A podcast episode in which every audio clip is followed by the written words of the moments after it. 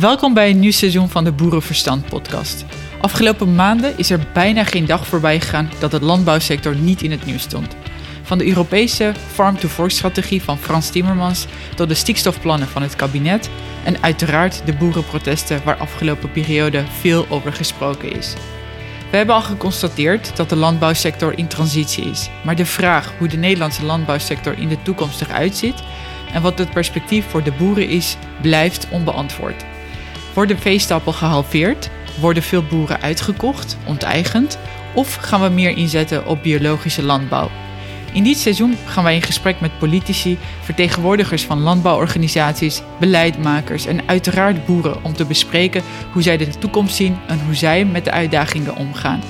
Ook voor dit seizoen willen wij onze luisteraars aanmoedigen om sprekers voor te dragen en de podcast te delen met collega's, vrienden en familie. Veel luisterplezier.